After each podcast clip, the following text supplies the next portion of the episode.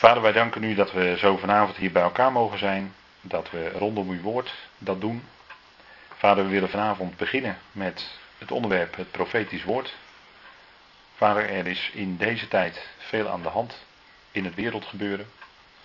En we zien daarin toch uw hand als we de profetieën van uw woord erop naslaan. Vader, we willen graag meer daarvan weten. Geeft u ons wijsheid om dat te kunnen verduidelijken, om daaruit te kunnen spreken. Vader, en we bidden u ook, wilt u ons geven dat wij het met ons hart kunnen begrijpen. Vader, dank u wel dat u ons die mogelijkheid geeft. Dat we dat hier op deze plaats in alle vrijheid kunnen doen met elkaar. En dank u wel dat uw woord het is wat ons leidt. Wat het enige is wat ons licht kan verschaffen hierin. Vader, dank u wel dat u ons kent. Dat u ons lief hebt. En dat u geweldig werk heeft gedaan en doet door uw eigen zoon, onze Heer Jezus Christus. Vader, we danken u dan ook in zijn naam. We danken u dat we ook in zijn naam hier bij elkaar kunnen zijn. Vader, we dragen zo deze avond aan u op. En wilt u zo dat doen zijn tot opbouw van ons geloof. En bovenal tot eer en verheerlijking van uw naam. We u daarvoor in de naam van uw geliefde Zoon, onze Heer Jezus Christus. Amen. Goed, ik wil graag met u lezen uit de herziene statenvertaling. En dan vers 1 tot en met 8 van het Bijbelboek Openbaring. En Openbaring is het uh, in onze samenstelling van de Bijbelboeken het laatste Bijbelboek van de 66 of 70 Bijbelboeken die de Bijbel rijk is. Ik hou het op 70, maar goed, dat is uh, niet zo'n uh, heikel punt. In ieder geval, het is het laatste boek wat uh, in onze Bijbels is opgenomen, dus helemaal achterin. En we gaan lezen vanaf hoofdstuk 1, vers 1. En er staat openbaring van Jezus Christus, die God hem gegeven heeft, om zijn dienstknechten te laten zien wat spoedig moet geschieden. En die hij door zijn engel gezonden en aan zijn dienstknecht Johannes te kennen gegeven heeft. Deze heeft van het woord van God getuigd en van het getuigenis van Jezus Christus alles wat hij gezien heeft. Zalig is hij die leest en zijn zij die horen de woorden van deze profetie en die in acht nemen wat daarin geschreven staat, want de tijd is nabij. Johannes aan de zeven gemeenten die in Azië zijn, genade zij u en vrede van hem die is en die was en die komt, en van de zeven geesten die voor zijn troon zijn, en van Jezus Christus die de getrouwe getuige is, de eerstgeborene uit de doden, en de vorst van de koningen der aarde, hem die ons heeft liefgehad en ons van onze zonden gewassen heeft in zijn bloed. En die ons gemaakt heeft tot koningen en priesters voor God en zijn Vader. Hem zij de heerlijkheid en de kracht in alle eeuwigheid. Amen. Zie, hij komt met de wolken en elk oog zal hem zien, ook zij die hem doorstoken hebben. En alle stammen van de aarde zullen rouw over hem bedrijven. Ja, amen. Ik ben de Alpha en de Omega, het begin en het einde, zegt de Heer, die is en die was en die komt, de Almachtige. Even tot zover Openbaring 1.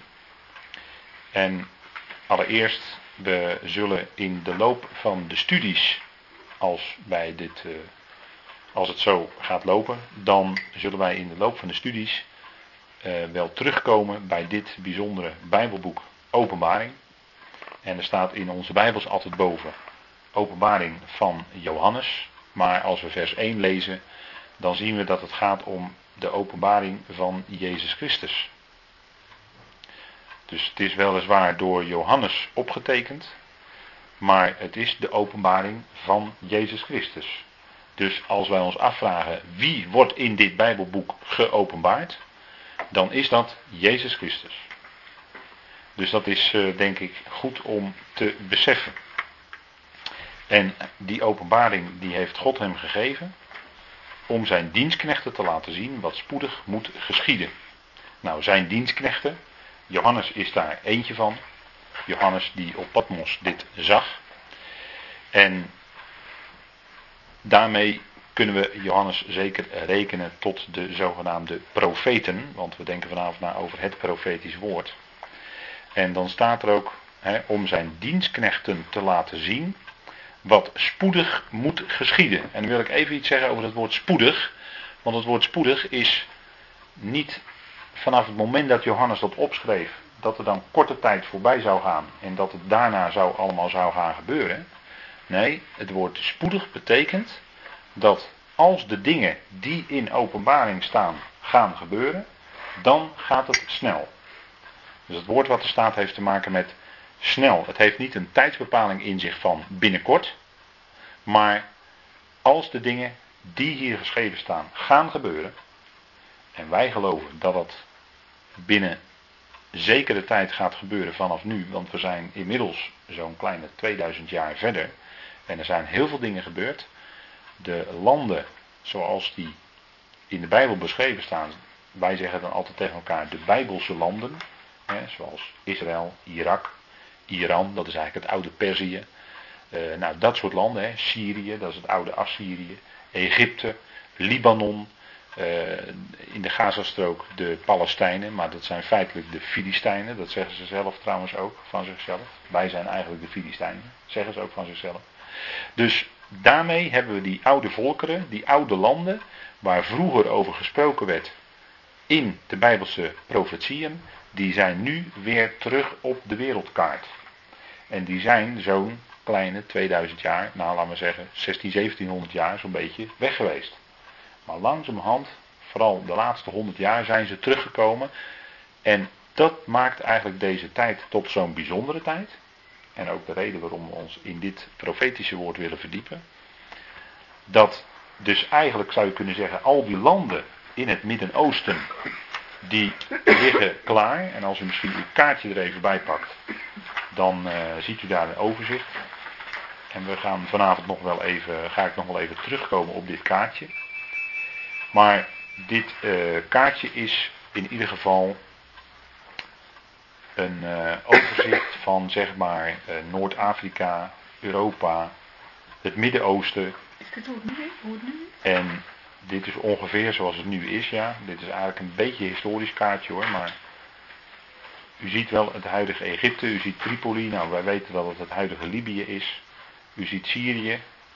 En omdat dit een beetje een kaart is over een geschiedenismoment, ehm, is het allemaal niet zoals het nu actueel is. Maar we weten wel uit de actuele situatie dat dus die landen, hè, u ziet wel Irak, Iran, Iran is het oude Perzië. Nou, Irak, daar heeft uh, Babel in. Babel speelt qua stad een hele belangrijke rol in de profetie.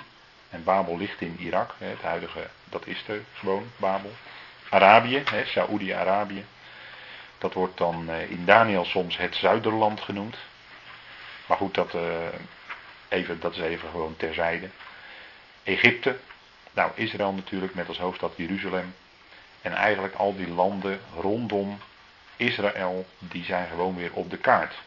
Nou, dat betekent dus dat in deze tijd we iets bijzonders zien. Dat is dus dat al die Bijbelse landen, om het zo maar te zeggen, die zijn weer terug. En dat betekent ook dat de profetieën, die, waarin ook over die landen gesproken wordt, dat die in vervulling weer kunnen gaan. En dat maakt onze tijd eigenlijk tot zo'n bijzondere tijd. En daar spreekt het boek Openbaring over, onder andere. Maar openbaring bevat eigenlijk allemaal uitlopers van al bekende profetieën in het Oude Testament. Of in de Tenach, zoals de Joden zeggen. En uh, daarom gaan wij ook zeker ons verdiepen in het Oude Testament in de komende keren, omdat we anders het Bijbelboek Openbaring niet kunnen begrijpen. Dan ga je echt veel missen. Dus vandaar even ons, uh, dat het heel actueel is dat wij ons verdiepen in het profetisch woord. En mijn opmerking dat wat spoedig moet geschieden, dus als het gaat gebeuren, gaat het snel.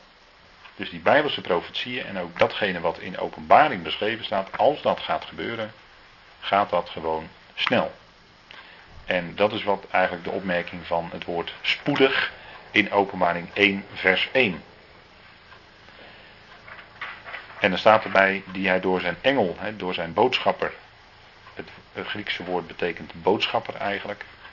Het, het is uh, gewoon in het Nederlands eigenlijk het Griekse woord, hè, angelos, engel. En dat betekent gewoon boodschapper. Die hij door zijn boodschapper gezonden en aan zijn dienstknecht Johannes te kennen gegeven heeft.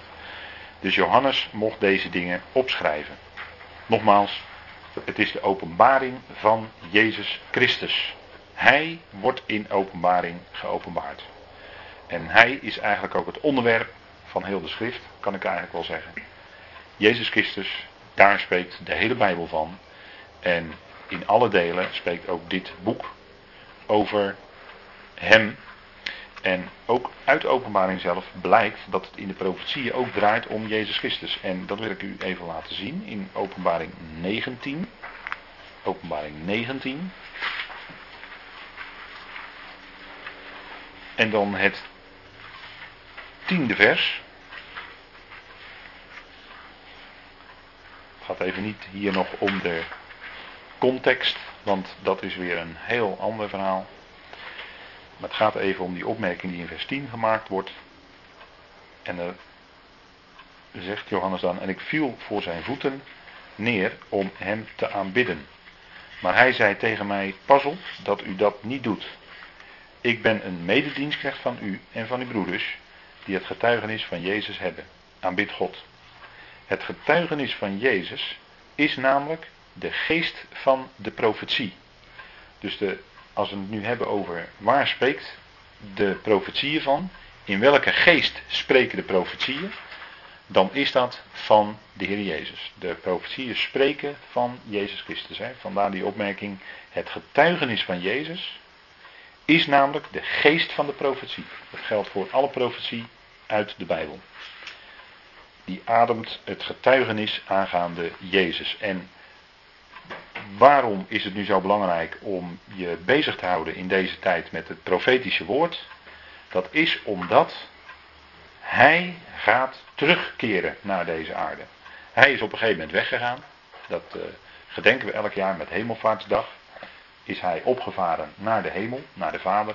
Daar zit hij nu aan Gods rechterhand. Maar hij gaat terugkeren. En de terugkeer van Jezus Christus, daarom zou je kunnen zeggen, is eigenlijk de wereld in beroering. Is eigenlijk het Midden-Oosten wordt steeds onrustiger. En dat heeft allemaal te maken met het feit dat hij gaat terugkomen. Hij is namelijk niet alleen de koning van de Joden, maar hij is de koning der koningen. En de heren der heren. Staat ook in, het, staat ook in openbaring. Nou, en omdat hij terugkomt, hij als degene die het beeld van God is, die de redder is, hè, Jezus, een geweldige naam. Jezus betekent namelijk dat Yahweh, of sommigen zeggen Jehovah, maar ik zeg liever Yahweh. Yahweh is redder. Dat betekent zijn naam. En als hij terugkeert, gaat hij zijn volk ook redden. Zijn volk Israël gaat hij redden, gaat hij verlossen van de omringende vijanden. En dan kom ik gelijk alweer terug in de actualiteit van vandaag. Israël, het land Israël, de Joden. Maar we moeten ook bedenken dat lang niet alle Joden die vandaag de dag leven in Israël wonen. Dat is maar een aantal miljoen. Maar er wonen minstens nog zoveel Joden, bijvoorbeeld in uh, Amerika. Misschien wel in New York alleen al. Wonen al miljoenen Joden. Dus, maar goed, dat kleine landje Israël is daar, die Joodse staat. En die Joodse staat, de Israëlische mensen die daar wonen, die weten zich omringd door vijanden. Daar is ongelooflijke grote druk op. Al tientallen jaren, dat weten we maar al te goed. Er zijn diverse oorlogen voor uitgevochten. Sinds 1948 de staat Israël officieel staat werd. De Joodse staat. Nou, we, hadden een, uh, we hebben diverse oorlogen gehad. En uh, dat, daar, daar alleen al blijkt uit dat de omringende Arabische volkeren Israël niet bepaald vriendelijk gezind zijn. Nee, integendeel, ze zijn heel erg vijandig tegen Israël. En ze zouden niets liever willen dan Israël van de kaart vegen, de Joden de zee indrijven. En dat tot een, uh, nou ja, goed, tot een deel van, weet ik het, Jordanië of uh, tegenwoordig aan Palestina, hè, dat de Palestijnen daar gaan wonen. Dat zouden ze niet liever willen. Israël is gewoon omringd door vijanden. En die druk zal zo groot worden De Bijbel spreekt zelfs over een grote verdrukking, zoals er nooit daarvoor geweest is en daarna ook nooit meer zijn zal, zegt de Heer Jezus zelf. Die druk zal zo groot worden op dat volk, dat ze maar één ding zullen kunnen doen uiteindelijk, en dat is God aanroepen. En dan zal Jezus terugkomen. Hij zal zijn voeten zetten op de olijfberg en zijn volk verlossen. Nou, dat is ook wat zijn naam zegt. Yahweh, Jehovah, is redder. En als hij komt, blijkt dat. Dat Yahweh, Jehovah, zijn volk redt op dat moment. Nou, dan komt hij in persoon terug. En daar, dat, dan zal het nog enige tijd duren. En dan gaat hij vanuit Israël zijn koninkrijk oprichten. Eerst over Israël en van daaruit over de hele wereld.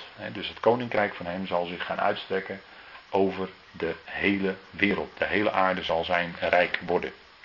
Dus dat is eh, wat de openbaring allemaal te zeggen heeft. Het is een moeilijk boek, nogmaals. Het spreekt van eh, enorme oordelen en gerichten die God gaat brengen over deze wereld. En daarom schrikken veel mensen ervan terug om zich bezig te houden met het Bijbelboek Openbaring. Dat is ten onrechte, want we hebben gelezen in vers 3. Zalig is hij die leest en zijn zij die horen de woorden van de profetie en die in acht nemen wat daarin geschreven staat, want de tijd is nabij. Dus daar wordt een zaligspreking gesproken over die mensen die zich bezighouden met dit boek, die het lezen, die het horen en die het willen begrijpen. En dat, daarom is het zeer, zeer de moeite waard om je ook met dit, nogmaals, moeilijke Bijbelboek, want je kunt boekenkasten vullen met commentaren over openbaring. Zo'n moeilijk Bijbelboek is dat, maar dat komt omdat men vaak de symboliek, of ik gebruik wel eens het woord typologie, maar ik kan ook zeggen profetie, die in bepaalde symbolen vervat zit, omdat men die niet begrijpt. En dat heeft weer te maken met wat ik net al zei. De profetieën van het Oude Testament moet je eerst goed kennen. En daarna ga je openbaring wat beter begrijpen. Doe je het zonder, en dat probeert men dan in commentaren. Nou ja, dan komt men in allerlei wonderlijke voorstellingen terecht. Waaruit blijkt dat men niet begrepen heeft waar bepaalde symbolen op duiden.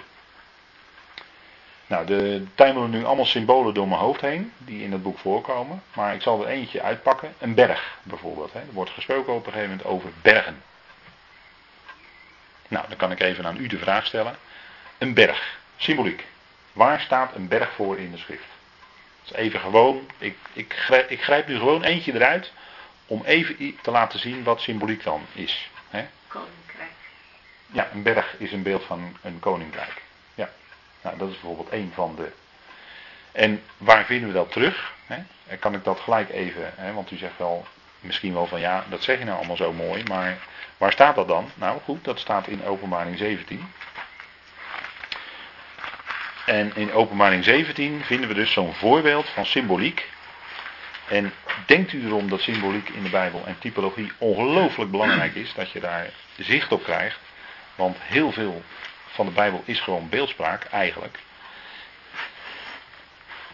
Gelijkenissen ook beeldspraak. Gelijkenissen, dat is allemaal beeldspraak, ja, daar, daar heb je zoiets. Hè? Dus, um, even kijken hoor.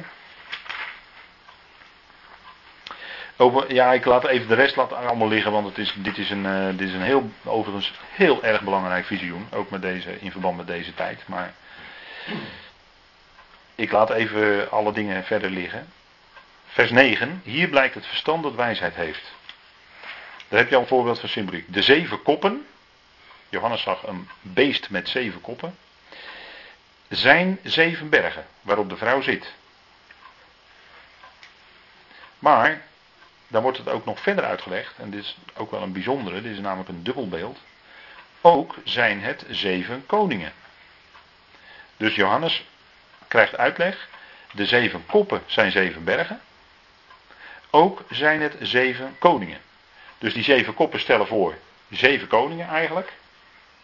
Maar ook zeven bergen, want er wordt ook gesproken over zeven bergen die, in, die uh, hier in dit hoofdstuk verder genoemd worden. Maar dat blijken dan aanduidingen te zijn voor zeven koningen. En als je zeven koningen hebt, nou, dan heb je dus ook zeven koninkrijken. Dat is duidelijk, hè? Als je een koning hebt, heb je ook een koninkrijk. Dus er is sprake van zeven bergen en dat betekent het gaat om zeven koninkrijken.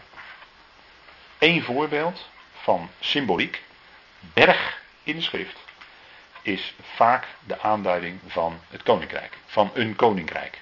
Een berg is vaak een aanduiding van een koninkrijk. De heer Jezus ging op de berg zitten, Matthäus 5, en hij sprak de zogenaamde bergreden uit. En wat krijgen we dan te horen? Dan krijgen we iets te horen wat te maken heeft met het koninkrijk. Want hij zit namelijk op een berg. En er staat dan bij dat hij op een berg ging zitten. Zo'n aantekening in de schrift staat natuurlijk niet voor niks. Dat heeft betekenis. Hij gaat op een berg zitten. Dus heeft het te maken met het koninkrijk. Nou, dat is één voorbeeld van symboliek. En zo zijn er natuurlijk nog veel meer, want in de versen die wij net gelezen hebben, in openbaring 1, wordt bijvoorbeeld gesproken over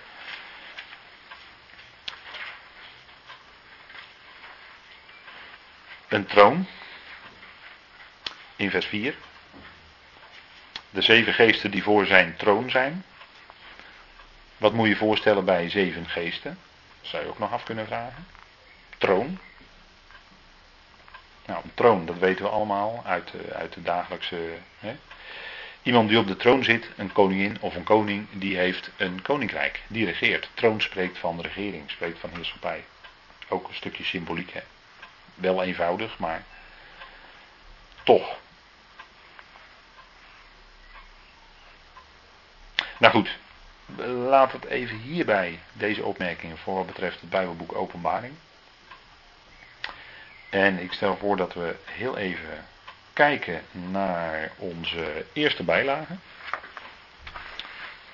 Want wat wil ik u eigenlijk daarmee laten zien? Bijlage 1.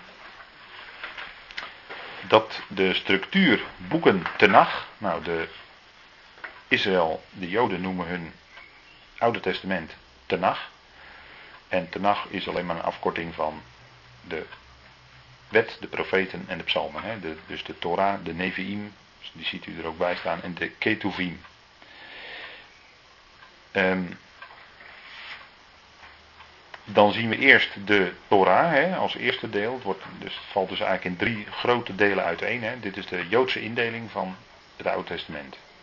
Dus hebben we eerst de Torah, dat zijn de vijf boeken die gewoonlijk aan Mozes worden toegeschreven. En dan hebben we de profeten. En dan hebben we de psalmen.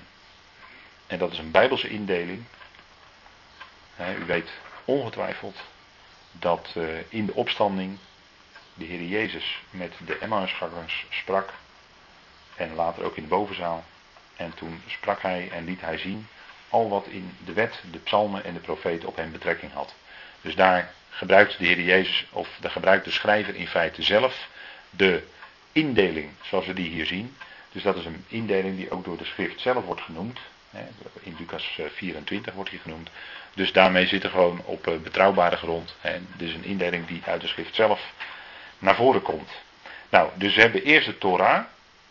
Dan, uh, dat zijn natuurlijk de bekende boeken. En um, als we kijken naar deze Bijbelboeken, dan zien wij dat, en dat wordt later ook wel in de schrift uh, bevestigd, uh, dan zijn ook zelfs die vijf boeken van de Torah, die zijn eigenlijk ook profetisch. Waarom zeg ik dat? Dan gebruiken we weer het woord typologie. Uh, de dingen die genoemd worden in Genesis, die hebben nog een diepere betekenis. Voorbeeld, heel bekend voorbeeld is wat Paulus noemt uit Genesis. Uh, als hij zijn gelaten brief schrijft, hè, dan zegt hij tegen die gelaten: Jullie die onder de Torah, onder de wet willen leven, horen jullie de wet niet. En dan gaat hij uitleggen de geschiedenis van Isaac en Ismaël. En dan gaat hij daarmee laten zien dat het niet alleen gaat om een geschiedenis hè, en Hagar. Dan zegt hij het is niet alleen een, een geschiedenis, maar het heeft een diepere betekenis. Hij gebruikt dan het woord allegorie. En dat is in feite, laat hij daarmee zien dat er een geweldig stuk beeldende achtergrond in zit. Behalve dan gewoon dat het echt natuurlijk reële geschiedenis is. Het is echt zo gebeurd. Maar daar zit een geweldige profetische betekenis in. En zo geldt, dat geldt eigenlijk voor die hele Torah. Hè? Daar zitten allemaal diepere beelden achter. Nou, als ik kijk naar het vijfde boek, dat is Deuteronomium. Eh, met name bijvoorbeeld in een hoofdstuk als eh, Deuteronomium 30. Dan is dat ook duidelijk profetie. Namelijk dat daarin wordt gezegd tegen Israël. Als die zegen en die vloek over jullie gekomen is, dan zal ik terugkeren. Dan zal ik wederkomen. Dus al in Deuteronomium 30, hè? dus dan zitten we echt helemaal voorin. Daarin wordt al gesproken over een tijd dat het volk in ballingschap zou zijn. Dat de Heer weg zou zijn, dat hij zijn aangezicht zou verbergen. Wij leven nog steeds in die tijd dat hij zijn aangezicht verbergt voor de wereld. Maar dat hij ook zal terugkeren. Wordt in Deuteronomium 30 wordt dat al geprofeteerd. Nou, dan zie je dus dat profetie al voorkomt in het boek Deuteronomium. Maar goed, dat is allemaal nog Torah. Dan komen we bij de tweede serie boeken. Dat zijn de profeten, de Nevi'im.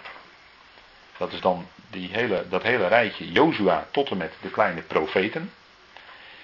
En dan, zijn eigenlijk, dan is eigenlijk dat rijtje Jozua tot en met koningen, dat zijn de vroege profeten.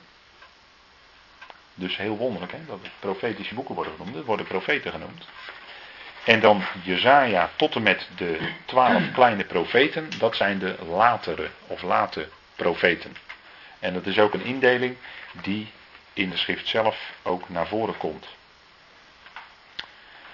De late profeten, die worden bijvoorbeeld genoemd in uh, Zacharia. Dan kunnen we wel even met elkaar opzoeken. Zacharia 7, vers 7.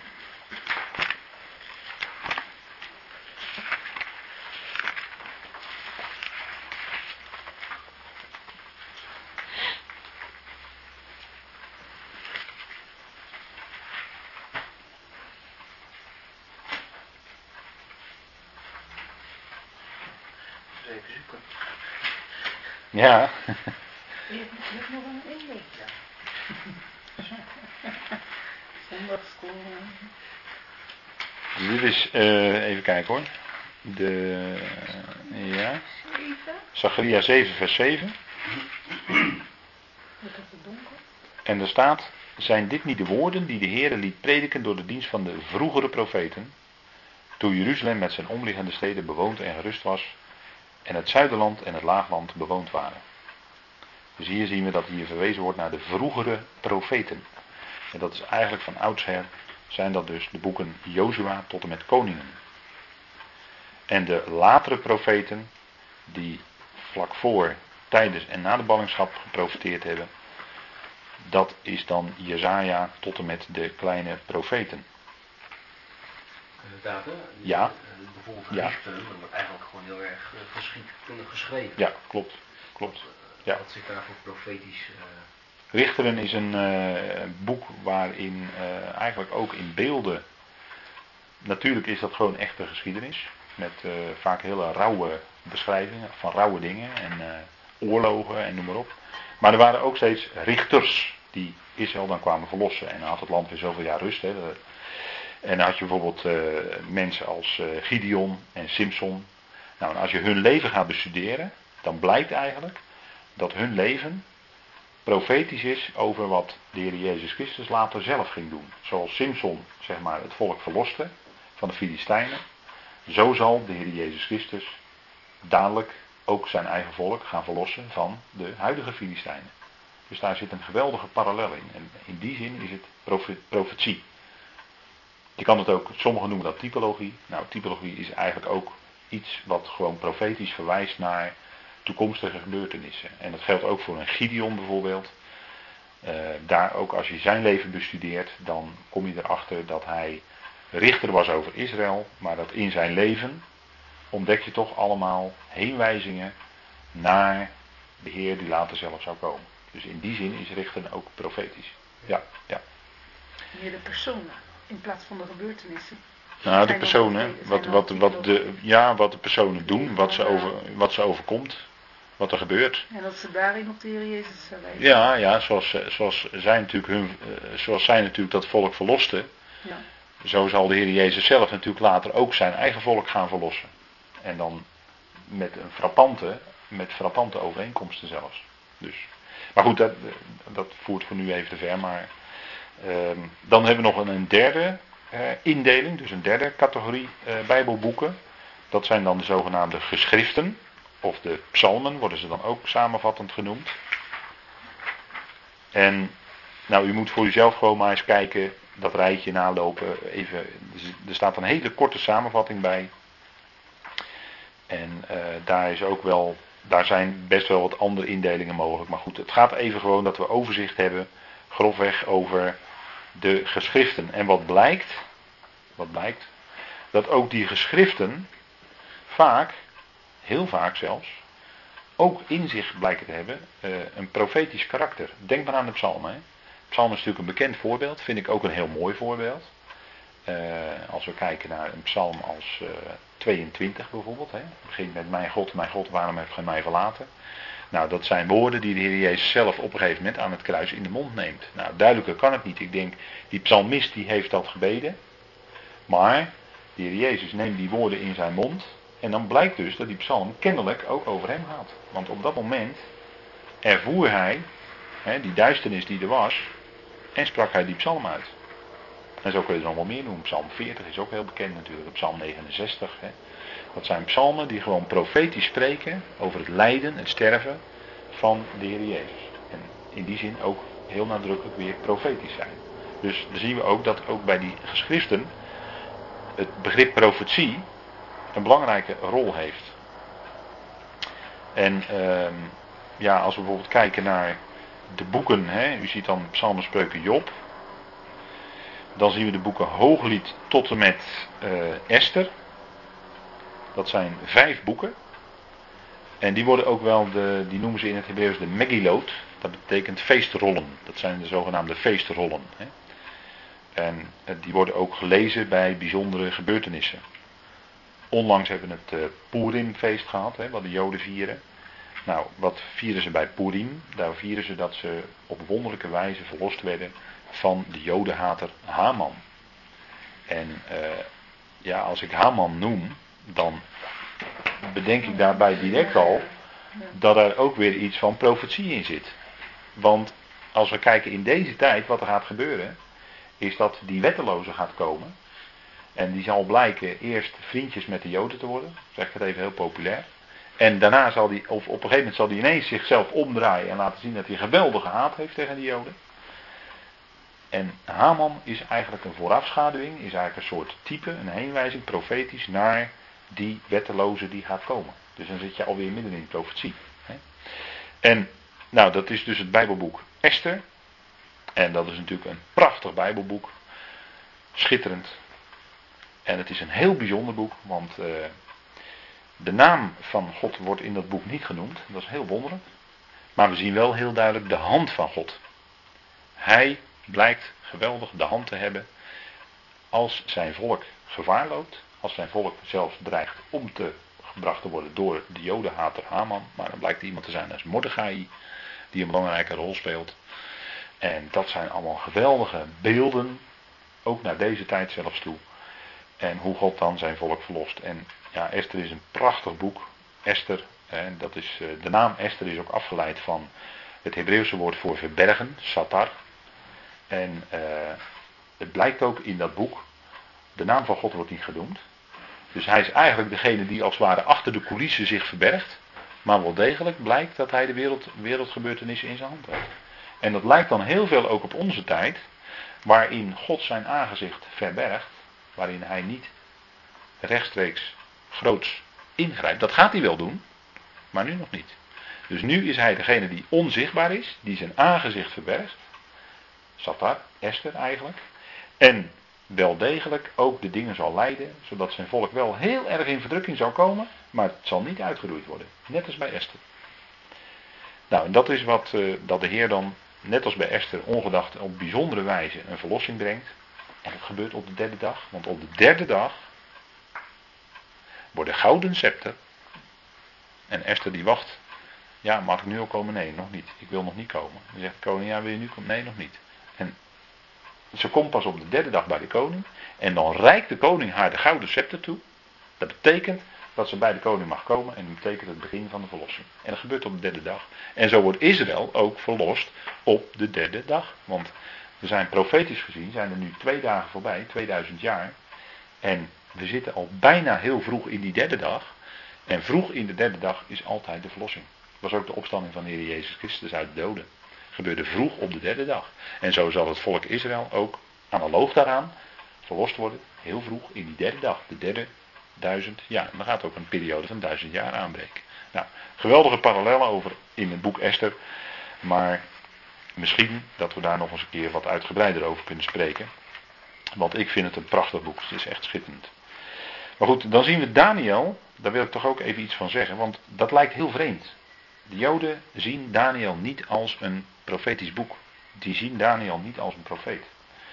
En daarin wijken ze toch af van. Eh, kijk, natuurlijk de Joden op zich, die, die hebben alleen hun Tenach, hè, hun Oude Testament. En daar lezen ze ook uit. En ze erkennen niet het Nieuwe Testament, hè, dat is natuurlijk duidelijk. En zij erkennen niet Daniel als een profeet. De Heer Jezus doet dat wel. Hè. De Jezus zegt in Matthäus 24, vers 15, noemt hij Daniel de profeet. En daarmee is Daniel gewoon een profeet natuurlijk. Dat kan niet anders. Als de Heer Jezus het zegt, staat in Matthäus 24, hij zegt dat Daniel een profeet is en dus is Daniel een profeet. Klaar. Nou, laten we het even met elkaar lezen. Matthäus 24, vers 15. Is er een speciale reden dat die Joden... Ja, ik, ik, dat moet ik even het antwoord op schuldig blijven. Waarom ze Daniel niet erkennen als profeet, weet ik niet. Dat is eigenlijk heel wonderlijk, maar.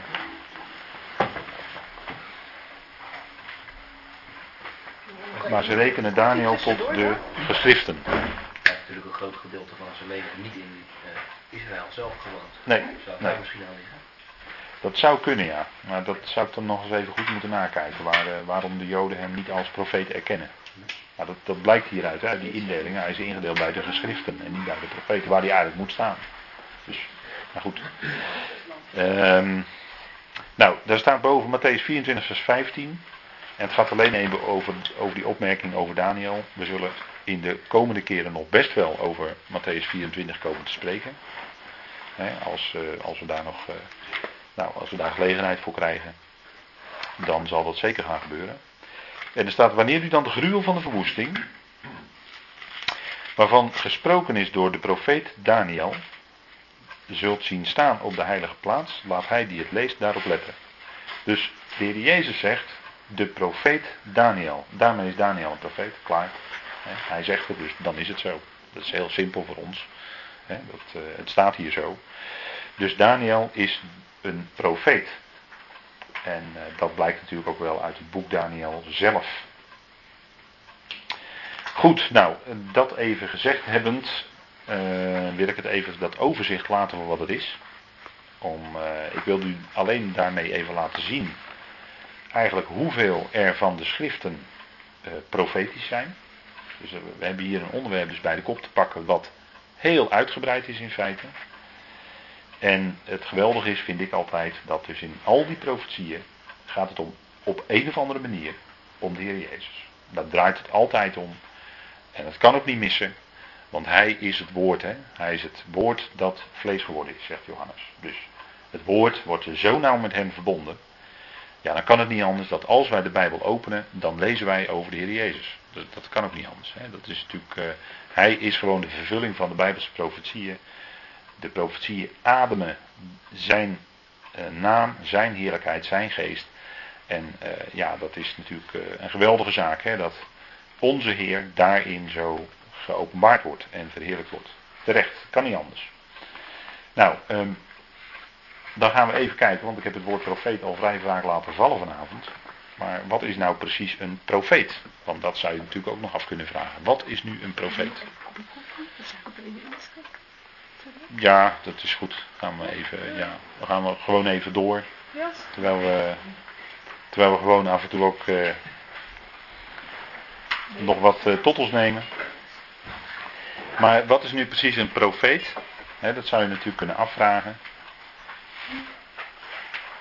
En ik heb natuurlijk eigenlijk een beetje de indruk gegeven, dat is ook wel zo hoor, dat een profeet zich bezighoudt met het voorzeggen of voorspellen van de toekomst.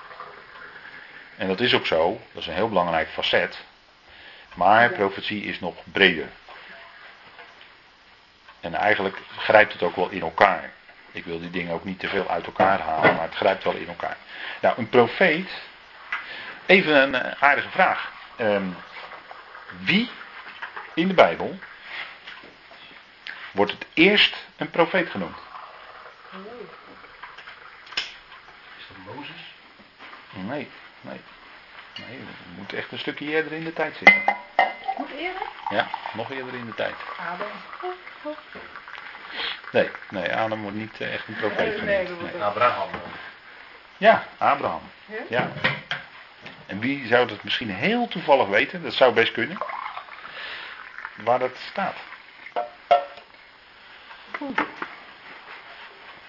Want het leuke is, als je natuurlijk met zo'n onderwerp aan de slag gaat. Een zachte stad met fundamenten. Ik, ehm, ja, wordt in Hebreeën 11 natuurlijk gezegd dat hij de stad met fundamenten zag. Maar daar wordt nog niet direct rechtstreeks gezegd dat hij een profeet is. Maar ik, eh, ik wist het ook niet, maar de- ik ontdekte het ook pas in mijn voorbereiding. Is dat niet eh, als de wet van... eh, nee, Nee, nee, nee, nee. Bij Mozes is dat is veel later. De wet was pas 430 jaar na Abraham. Hè? Er zat de hele tijd nog tussen. Daar ging heel veel tijd overheen.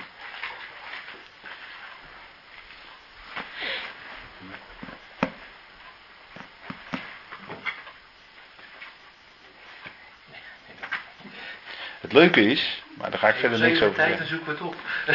Het leuke is dat het te maken heeft met een droom. Dan geef ik even een eh, hint.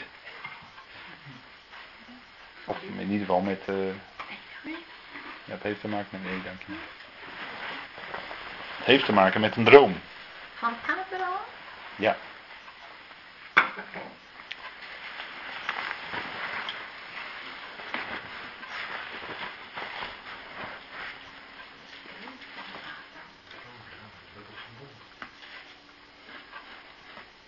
Nou, Genesis 15 bedoel je, dat hij tussen die eh, stukken doorging. Ja. Nou, ja, toen droomde hij ook inderdaad, maar dat is niet.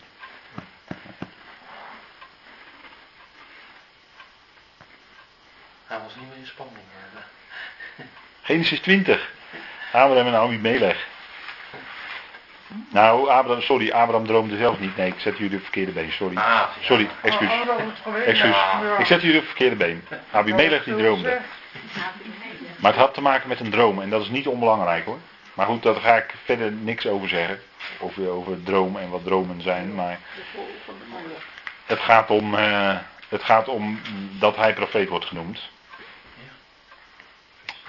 En u weet wel, hè, eh, Abraham die kwam bij Abimelech en eh, toen zei Abraham ja, Sarah is mijn eh, zuster. Dat was half waar, want het was eigenlijk zijn halfzuster. Sarah was wel een dochter van Terach, zijn vader, maar van een andere vrouw. Dus het was een halfzuster van hem en hij zei tegen Abimelech van ze is mijn zuster. Nou, wat doet Abimelech? Die neemt Sarah bij Abraham weg en dan droomt Abimelech. En dan zegt God tegen hem in vers 6. God zei tegen hem in de droom: Ik weet ook dat u dit met een oprecht hart gedaan hebt. Ik heb u, moet je opletten wat God hier zegt, hè? Ik heb u ook ervan weerhouden tegen mij te zondigen. Dus even, even eh, bedenken hè, wat het betekent. Hè? Ik heb u er ook van weerhouden tegen mij te zondigen. En daarom heb ik u niet toegelaten haar aan te raken. Nu dan, geef de vrouw van die man terug, want hij is een profeet. Hij zal voor u bidden, zodat u in leven blijft. Als u haar echter niet teruggeeft, weet dan dat u zeker zult sterven, u en al wat van u is. Dat zegt God tegen Abimelech in een droom. En dan zegt hij dus, je moet die vrouw teruggeven aan Abraham. En dan zegt hij dus, want hij is een profeet. Abraham is een profeet. Dus ziet u dat de eerste, en ja, misschien kunt u zelf eh, nazoeken aan de hand van een concordantie of u nog eerder iemand tegenkomt die profeet genoemd wordt. Maar bij mij weten op dit moment is Abraham de eerste die een profeet wordt genoemd in de schrift.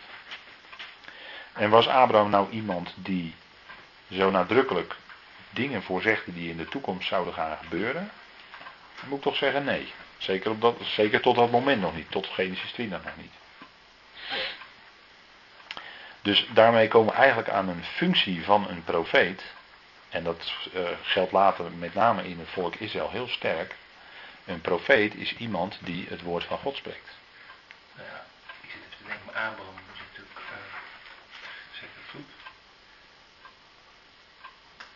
Uh, zijn zoon opgegaan. Ja, dat is natuurlijk later. Dat is Ja, dus in die 22. zin, hè, is het natuurlijk wel een beeld eh, Dat is wel profetisch. Uit zijn leven spreekt Ja. natuurlijk wel profetie. Ja. Maar als we even zeggen van, had, hij, had Abraham nu als functie eh, profeet te zijn, dan moet ik toch zeggen, nee. Want ja, nou ja, functie in de zin van de toekomst voorzeggen. Kijk, wat, ik, wat, eigenlijk, eh, wat we eigenlijk goed moeten begrijpen met elkaar is dat een profeet iemand is die het woord van God verkondigt. Die het woord van God brengt. Het is niet per se het verkondigen van toekomstige dingen. Nou is het zo dat het woord van God vrijwel altijd profetisch is. Dus in de zin van dat het wel iets zegt over toekomst. Maar in eerste instantie is een profeet iemand die naar aanleiding van gebeurtenissen in zijn dagen dingen ze aanzegt. En die moest bijvoorbeeld ook naar de koning gaan in Israël en dingen aanzeggen. Denk maar aan een profeet als Jeremia. Die gewoon zegt van ja, eh, al die profeten die verkondigen vrede voor Jeruzalem. Maar Jeremia moest verkondigen dat Jeruzalem verwoest zou worden. En daarmee maakte hij zich niet populair. En werd hij ook in de gevangenis gegooid. Maar Jeruzalem werd wel verwoest. Hij was zo'n beetje de enige die zei dat Jeruzalem verwoest werd. Terwijl al die andere profeten zeiden nee, nee, nee. En dan spraken ze ook nog erbij van de Heere zegt. Maar eh, nee hoor, Jeruzalem zal vrede hebben, zal niet verwoest worden, zal in vrede wonen. Jeremia was de enige die echt Gods woord sprak. En Jeruzalem werd verwoest. Dus een profeet zijn was ook niet, eh, was ook niet eh, makkelijk. Maar goed, hij sprak gewoon Gods woord. Nou, dus de eerste in de schrift die profeet genoemd wordt, is Abraham. En Abraham sprak wel het woord van God. En dat deed hij ook tegenover Lot bijvoorbeeld.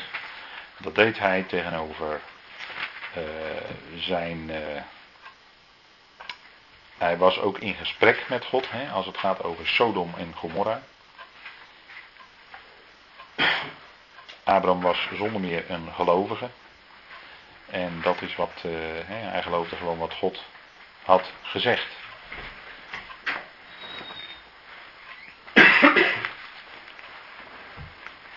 Die zijn liggen dekentjes hoor.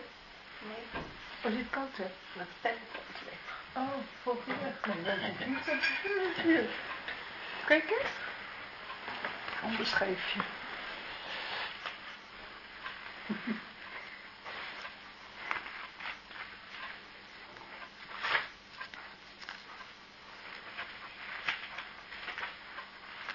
Goed, nou hadden we eerst.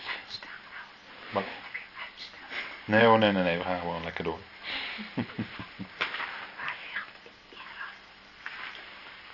Hier, hier ligt opkomen hoor.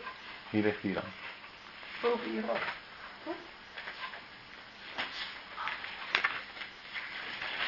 Dus die, eh, even kijken, dan gaan we even door naar 1 Samuel 9.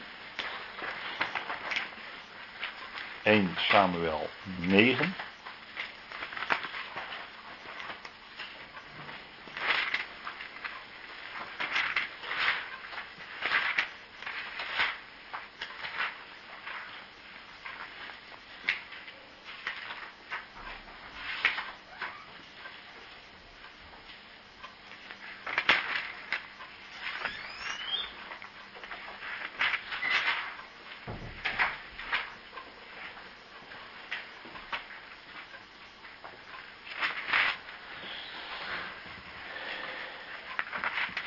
Oké, we kijken even in 1 Samuel 9.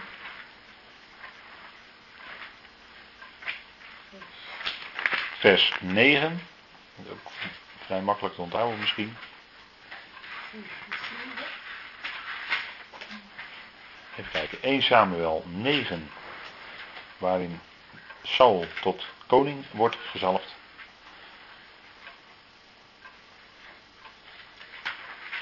En dan zien we dat dus die profeet, Samuel, een hele onafhankelijke functie had ten opzichte van ook de koning. Maar in vers 9 staat: Vroeger zei iedereen in Israël het volgende als hij God ging raadplegen: Kom, laten wij naar de ziener gaan. Want wat vandaag de dag een profeet genoemd wordt, werd vroeger een ziener genoemd. Toen zei Saul tegen zijn knecht: Uw woord is goed, kom, laten wij gaan. Zo gingen zij naar de stad waar de man Gods was. Nou, waarom lees ik deze verse? Omdat ehm, de profeet, die werd ook een ziener genoemd. En die, dat zijn dus verschillende begrippen. En in vers 10 blijkt dat hij ook een man Gods wordt genoemd. He, naar de stad waar de man Gods was. Nou, een ziener, wat was nu een ziener? Dat was iemand die bepaalde dingen zag. En dat is ook wat uit het Hebreeuwse woord blijkt. Het Hebreeuwse woord waar, ons woord, eh, waar dit woord zien mee vertaald is, dat heeft te maken met het zien van bepaalde dingen. Vandaar dat iemand dan ziener werd genoemd. En die ziener die zag bepaalde dingen en die sprak ook dan het woord van God. Wat er gebeurde in Israël was dat men naar een ziener toe ging.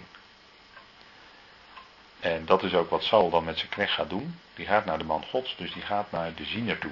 Dus je wilde bepaalde dingen weten van God. Hè, dat gebeurde dan onder Israël, dat het volk van God. Je wilde bepaalde dingen weten. En wat deed je dan? Nou, dan ging je naar de ziener. Zo heette die. Nou, nu staat er in vers 9 dat wat vandaag de dag een profeet genoemd wordt, werd vroeger een ziener genoemd. Dus een ziener is tegelijkertijd een profeet. Want wat deed die ziener? Die ziener die sprak het woord van God. Die sprak het woord van Yahweh. En een profeet doet eigenlijk precies hetzelfde. alleen een profeet is iemand en, uh, die dat woord van God ontvangt. Maar een belangrijk verschil is dat een profeet, die ging zelf wel in opdracht van God in de openbaarheid optreden en spreken. Dus die ging, als hij een woord van God kreeg, ging hij als het ware uit zijn huis, ging in het openbaar en ging Gods woord spreken. Terwijl bij een ziener, die bleef in zijn huis zitten en daar ging men naartoe om het woord van God te horen.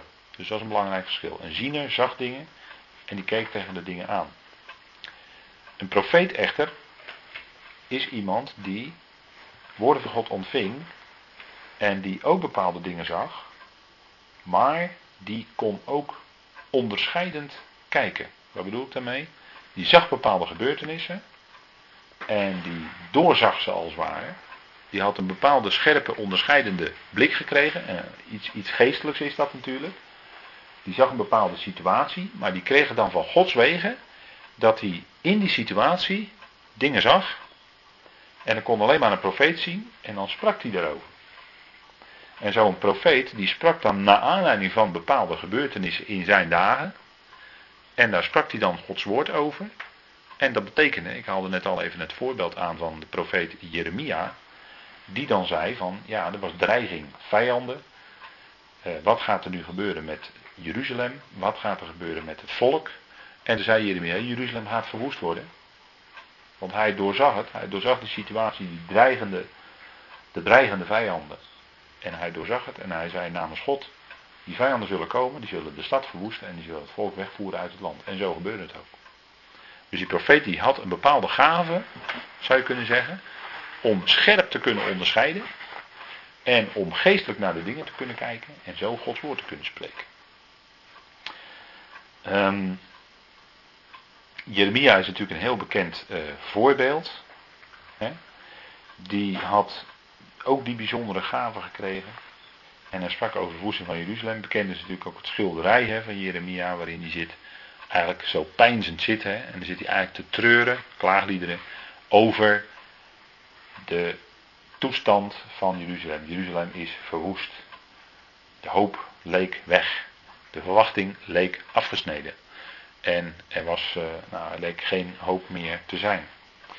Maar dat is natuurlijk uh, niet alleen wat een profeet doet. Dus het aanzeggen in het geval van Jeremia van gerichten, die komen op de, hè, de oordelen die komen op het gedrag van het volk. Het gedrag, het, gedrag was niet goed. Ze gedroegen zich niet naar de wet. Ze gedroegen zich niet naar de Torah. En daarom kwam ook die vloek van de Torah over hen. En werden ze ook in ballingschap weggevoerd. Wat gewoon ook in Deuteronomium al stond. En dat ging dus gebeuren. Dat, was een duidelijke zaak. Nou, um, Samuel is in dit hoofdstuk ook een voorbeeld van iemand, dat, van een profeet, iemand die de dingen ziet. Want wat gebeurt er? Er zijn, uh, nou op een gegeven moment, uh, uh, zijn, laten we zeggen, ezelinnen zijn zoek. Ezels zijn zoek. Nou, gaan we eens na in de Bijbel, als je over ezels, die zijn wel vaker zoek. Dat heeft ook dan weer ergens mee te maken.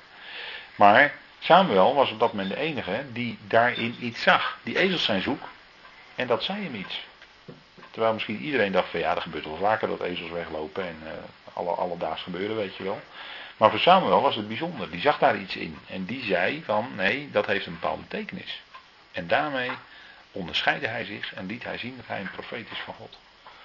Dus een profeet had in Israël ook een geweldig belangrijke functie. die kon gewoon tegen de koning Gods woord zeggen. En dan kon de koning nog zo eh, heersen tot en met. En uh, nog, zo, nog zo denken dat hij alles maar kon doen. Maar dan kwam de profeet en die zei van koning, jij bent helemaal niet goed bezig. En die kwam het woord van God brengen. En die zei van dat gaat fout aflopen. Dat gaat gerichten, dat gaat oordelen geven. Dat is de taak van een profeet. En dat werd natuurlijk lang niet, Jeremia werd in de gevangenis gegooid. Er werd lang niet altijd in, in dank afgenomen natuurlijk. De boodschapper van het slechte nieuws, zeg maar, die, nou, die overkomt vaak van alles. Nou, dat was een profeet. Dus een profeet in Israël had een geweldig belangrijke functie. Naast de priester. De priester had ook een taak om woord van God te spreken. Namelijk die moest de Torah onderwijzen aan het volk. De priester moest tegen het volk zeggen. Volgens de Torah moeten jullie je zo en zo gedragen. En die moest constant onderwijs geven vanuit de tempel, vanuit de tabernakel aan het volk. Jullie moeten zo handelen naar de Torah, naar de wet. Maar een profeet, die had uh, ja, toch wel een unieke taak om dat, uh, naast de priester was er ook de profeet. En die profeet die moest dan gewoon tegen een koning kunnen zeggen van, uh, ja koning, ik ben helemaal verkeerd bezig. Heel belangrijk, maar die moest ook tegen het volk kunnen spreken. En die moest ook kunnen zeggen van, koning, je dagen zijn geteld, er komt een ander. Dat, bijvoorbeeld in het geval van Saul. Je dagen zijn geteld, er komt een ander. Nou, dus dat was, dus een profeet, het profetenambt in Israël, was een geweldig belangrijk iets. En uh, dat is wat, uh, wat een ziener daarvoor deed. Maar later, hè, het is niet zo dat hierna nooit meer over zieners wordt gesproken, nog wel degelijk.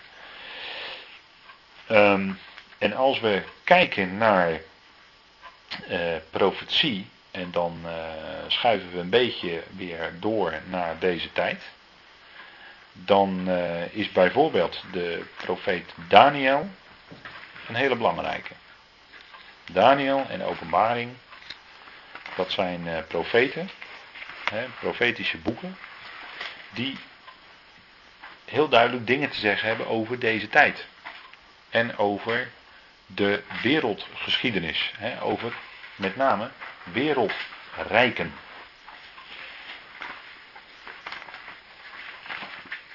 Dus Daniel is een profeet, dat hebben we met elkaar gezien. We leven in de tijd waarin God zijn aangezicht verbergt voor deze wereld. Dus een tijd waarin zaken verborgen zijn. En Daniel die mocht een aantal bijzondere dingen gaan openbaren over deze tijd. En dan uh, is het misschien goed om heel even eerst te kijken naar de bekende profetie uit Daniel 9 over de 70 jaarweken. Wat wij dan altijd zeggen 70 jaarweken. En dat is dan Daniel 9, vanaf vers eh, 24. En dat heeft eh, geweldig veel te vertellen over Israël. Hoe dat in het verleden gegaan is. En hoe dat in de toekomst, en als u het mij vraagt, in de redelijk nabije toekomst zal gaan. En dat deze profetie van de 70 jaarweek uit Daniel 9 is daarin eigenlijk heel cruciaal. Het is eigenlijk een, uh, hoe moet je dat nou zeggen? In het Engels, uh, ja, in het Engels zou je kunnen zeggen, Matthäus 24 met Daniel 9, de 70 jaarweken, is een soort ruggengraat van de profetie. Dat is een soort, uh, net zoals een rug een ruggengraat nodig heeft en daaromheen is van alles aanwezig om die rug goed te kunnen laten functioneren. Nou, zo is Daniel 9 dit stukje met Matthäus 24 zou je kunnen zeggen. De ruggengraat van de profetie waarin heel nadrukkelijk naar voren komt de terugkeer van Jezus Christus. Hebben we vanavond al eerder gezegd. Terugkeer van Jezus Christus. En dan gaat het om uh, een bepaald bijzonder visioen wat Daniel krijgt na een lang gebed. Hij, in dat gebed in Daniel 9 beleidt hij schuld van zijn volk. En Jeremia heeft een profetie uitgesproken. Dat, er, uh, dat het volk 70 jaar in ballingschap zou gaan. Daniel heeft dat gelezen en die constateert dat die 70 jaren bijna voorbij zijn. En uh, dat er daarom gaat hij in gebed. En hij verootmoedigt zich voor God. Hij beleidt schuld met zijn volk. Want hij was zich ook zeer goed bewust dat het volk gezondigd heeft. En daarom in ballingschap is 70 jaren lang. Maar hij kreeg ook gewoon de opdracht om daar een profetie. Hè, hij kreeg daarop een visioen. Dat is ook wat profeten ontvingen. Een bepaald visioen. En een visioen, waarom krijgt een profeet een visioen? Een profeet krijgt een visioen omdat hij bepaalde dingen moet onderscheiden. Vanuit het Hebreeuws is het woord visioen heeft te maken met onderscheiden. Dus dat is om bepaalde dingen te kunnen onderscheiden, om tijden te kunnen onderscheiden, om uh, bepaalde gebeurtenissen die gaan komen te kunnen onderscheiden. En zo uh, krijgt Daniel dan in Daniel 9 dat visioen. Als hij constateert dat die 70 jaar ballingschap bijna voorbij zijn. Dat betekent dus dat als die 70 jaar, had Jeremia geprofiteerd in uh, hoofdstuk 25 van Jeremia. En als die 70 jaren voorbij zijn, dan zou dat volk gaan terugkeren naar het land. En daar was Daniels hoop natuurlijk op gevestigd. Daniel bevond zich in Babel. Ook dat is even, ja, belangrijk toch even om te vermelden. Hè, dat Daniel een profeet is die zich in Babel bevond. Bij de ballingen daar, degenen die in ballingschap daar gegaan waren. En in die ballingschap in Babel krijgt Daniel zijn profetie. En dat is ook belangrijk. Belangrijk in de Bijbel is ook te kijken, als een profeet profeteert, waar bevindt die profeet zich dan? Want vaak zijn de plaatsen waar profeten zich bevinden, als het vermeld wordt, ook van heel erg belang.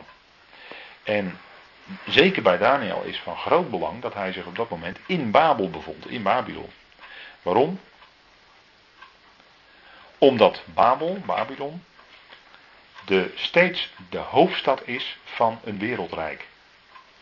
En daarover heeft Daniel ook een uitgebreide profetie. Daniel mag een droom gaan verklaren in Daniel 2. En dan gaat het om die opeenvolgende wereldrijken.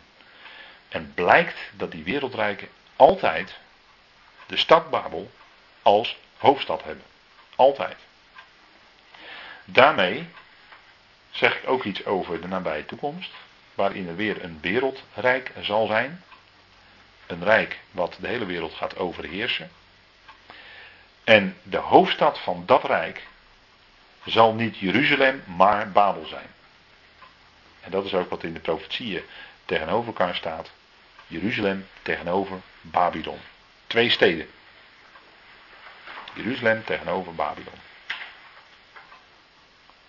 Daarom is het van eminent belang dat Daniel zich in Babylon bevond toen hij deze profetieën kreeg. Ongelooflijk belangrijk. Daar bevond hij zich.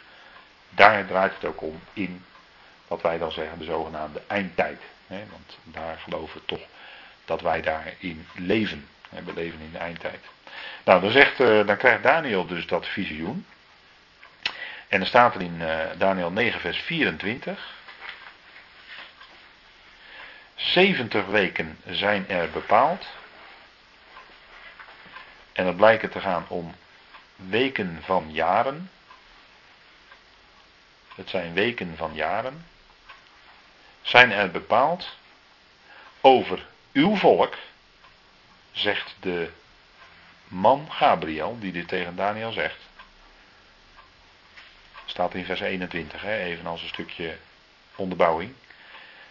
Terwijl ik in mijn gebed nog uitsprak, vers 21, kwam de man Gabriel, die ik in het begin in het visioen gezien had, snel aangevlogen en raakte mij aan omstreeks de tijd van het avondoffer. En hij, dat is dus Gabriel, begon mij te onderwijzen en sprak met mij. Hij zei: Daniel, nu ben ik erop uitgegaan om u de betekenis te doen begrijpen. Bij het begin van uw smeekbeden is er een woord uitgegaan. En ben ik zelf gekomen om u dat te vertellen, want u bent zeer gewenst. Het is een, of bemind kun je ook zeggen. Begrijp dan dit woord en krijg inzicht in dit visioen, of in het visioen. Nou, dat woord visioen nogmaals betekent onderscheiden.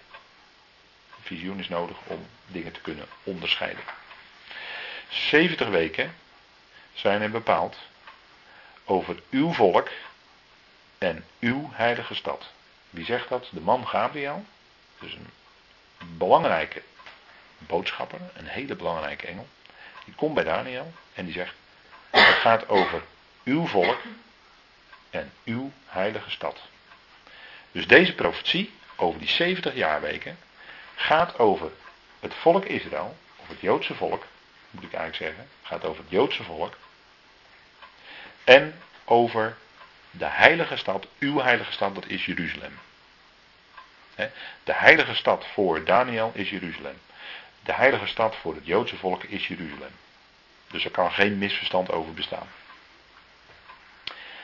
En dan staat er om de overtreding te beëindigen, om de zonden te verzegelen, om de ongerechtigheid te verzoenen en om een eeuwige gerechtigheid tot stand te brengen. En in de Statenvertaling, deze vertaling staat onderaan een voetnoot. Eeuwige gerechtigheid betekent letterlijk gerechtigheid van eeuwigheden. Daar wordt het Hebreeuwse woord olam gebruikt in het meervoud. Het Hebreeuwse woord olam. En dat betekent eigenlijk eeuw of een bepaalde tijdsperiode, zeg maar. Daar gaat het om. Bepaalde tijd. Dus om een gerechtigheid van eeuwigheden tot stand te brengen. Om visioen en profeet te verzegelen.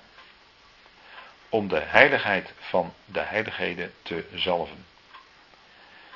Dus daar worden in die periode een aantal dingen tot stand gebracht. En er treedt ook op een verzegeling. Dus we kunnen zeggen, als die 70 jaarweken voorbij zijn, dan is de ongerechtigheid verzoend. Dan komt er gerechtigheid. Dus dat betekent een einde van de ongerechtigheid en dan komt er gerechtigheid. Om visioen en profeet te verzegelen, want dit boek Daniel is ook een moeilijk boek en dat is verzegeld tot de eindtijd. En pas in de eindtijd kunnen we dit gaan verstaan. Nou, het is waarschijnlijk zodat wij hier toch van dit boek iets kunnen gaan verstaan. Omdat we zo ver in de tijd zitten. En om de heiligheid van de heiligheden te zalven. U moet weten en begrijpen, vanaf de tijd, en nu moet Daniel gaan rekenen, dat het woord uitgaat om te laten terugkeren en om Jeruzalem te herbouwen, tot op Messias de vorst, verstrijken er zeven weken en 62 weken. Dus er zou op een gegeven moment een bevel komen, een woord zou uitgaan. Wat zou betekenen dat Israël, hè, of de Joden, Babel mochten gaan verlaten, mochten gaan terugkeren naar hun eigen land.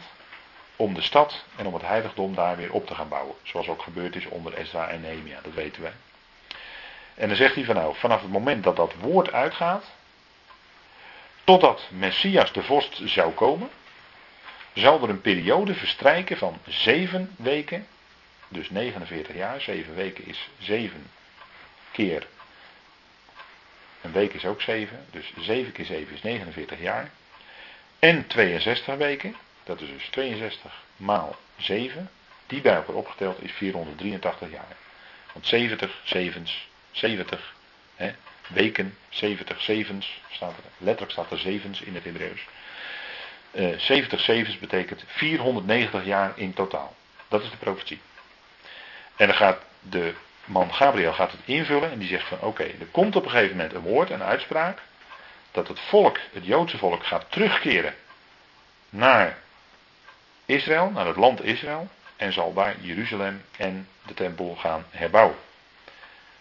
Voor Daniel is het natuurlijk van geweldig groot belang dat het woord zou komen, want Daniel wist dat deze 70 jaar ballingschap bijna voorbij waren. Dus die wist ook dat het woord waar Gabriel hierover spreekt, dat dat ook binnenkort zou uitgaan en dat ze zouden gaan terugkeren om Jeruzalem te herbouwen. En dat gebeurde onder de vorst Artaxerxes. Die deed een woord uitgaan en daarmee kreeg, kregen de Joden toestemming om terug te keren naar het land. En ze keerden terug naar het land en ze begonnen Jeruzalem en de, dus de stad en de tempel begonnen zij te herbouwen. Maar er wordt nog meer gezegd, want dan zegt eh, de Gabriel tot op Messias de vorst zijn dus 7 weken en 62 weken. Dus vanaf dat moment dat het woord uitgaat van die Artaxerxes die ik net noemde, gaan er 483 jaar verstrijken. En dan zou Messias de vorst komen. Tot op Messias de vorst. Nou, Messias de vorst, dat is de Heer Jezus Christus. Die kwam ook. Zoals dat woord natuurlijk gezegd had. En dan zou er iets bijzonders gaan gebeuren. En vandaar dat toen de Heer Jezus op een gegeven moment, laten we zeggen, rond ongeveer 30 jaar was. Nou, daar kun je over, daar kun je over debatteren, maar goed, dat vind ik nu niet, helemaal niet belangrijk. Algemeen neemt men aan, rond 30 jaar begon hij in het openbaar op te treden. En toen begon hij te prediken. Want hij was ook een profeet natuurlijk, hè? de Heer Jezus Christus is de allergrootste profeet. Maar toen begon hij te prediken. En wat predikte hij toen? Wat predikt hij toen? Het koninkrijk is nabij. Ja. En wat nog meer? Wat zei er nog meer bij? Koninkrijk? Bekeert u. Ja, bekeert u. En wie moesten zich bekeren? De Joden. Ja, de Joden moesten zich bekeren. Dus hij zegt, bekeert u, want het koninkrijk der hemelen is nabijgekomen. Waarom zei hij dat? Omdat hij die profetie van Daniel had bestudeerd. En omdat hij wist dat die 483 jaar bijna voorbij waren. Daarom ging hij dat prediken. Het was ook echt gerekend vanuit hier, vanuit Daniel, was het koninkrijk ook heel erg dichtbij gekomen. En het duurde toen hij begon, laten we zeggen ongeveer nog tien jaar. Dus hij wist dat. En hij had natuurlijk nauwgezet, had hij eerst uh, hè, die, die tenacht die geschriften geleerd. En daarna leerde hij ook zelf hè, in de tempel. Nou, dus er gingen 483 jaar voorbij. En dan zou er iets gaan gebeuren. Dan zou het namelijk nog zeven jaar zijn. Want de totale profetie is 490 jaar. Dan zou het nog zeven jaar zijn. En dan zou het koninkrijk aangebreken. Namelijk, dan zou er een einde komen aan de ongerechtigheid. En er zou er gerechtigheid komen. Nou, dat is wat hier staat. Hè.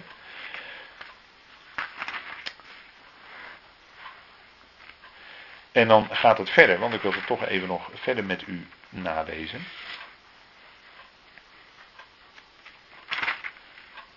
Plein en gracht. Ik ga nog even verder lezen in vers 25, daar zaten we nog steeds. Plein en gracht zullen opnieuw gebouwd worden, maar wel in benauwde tijden. Na de 62 weken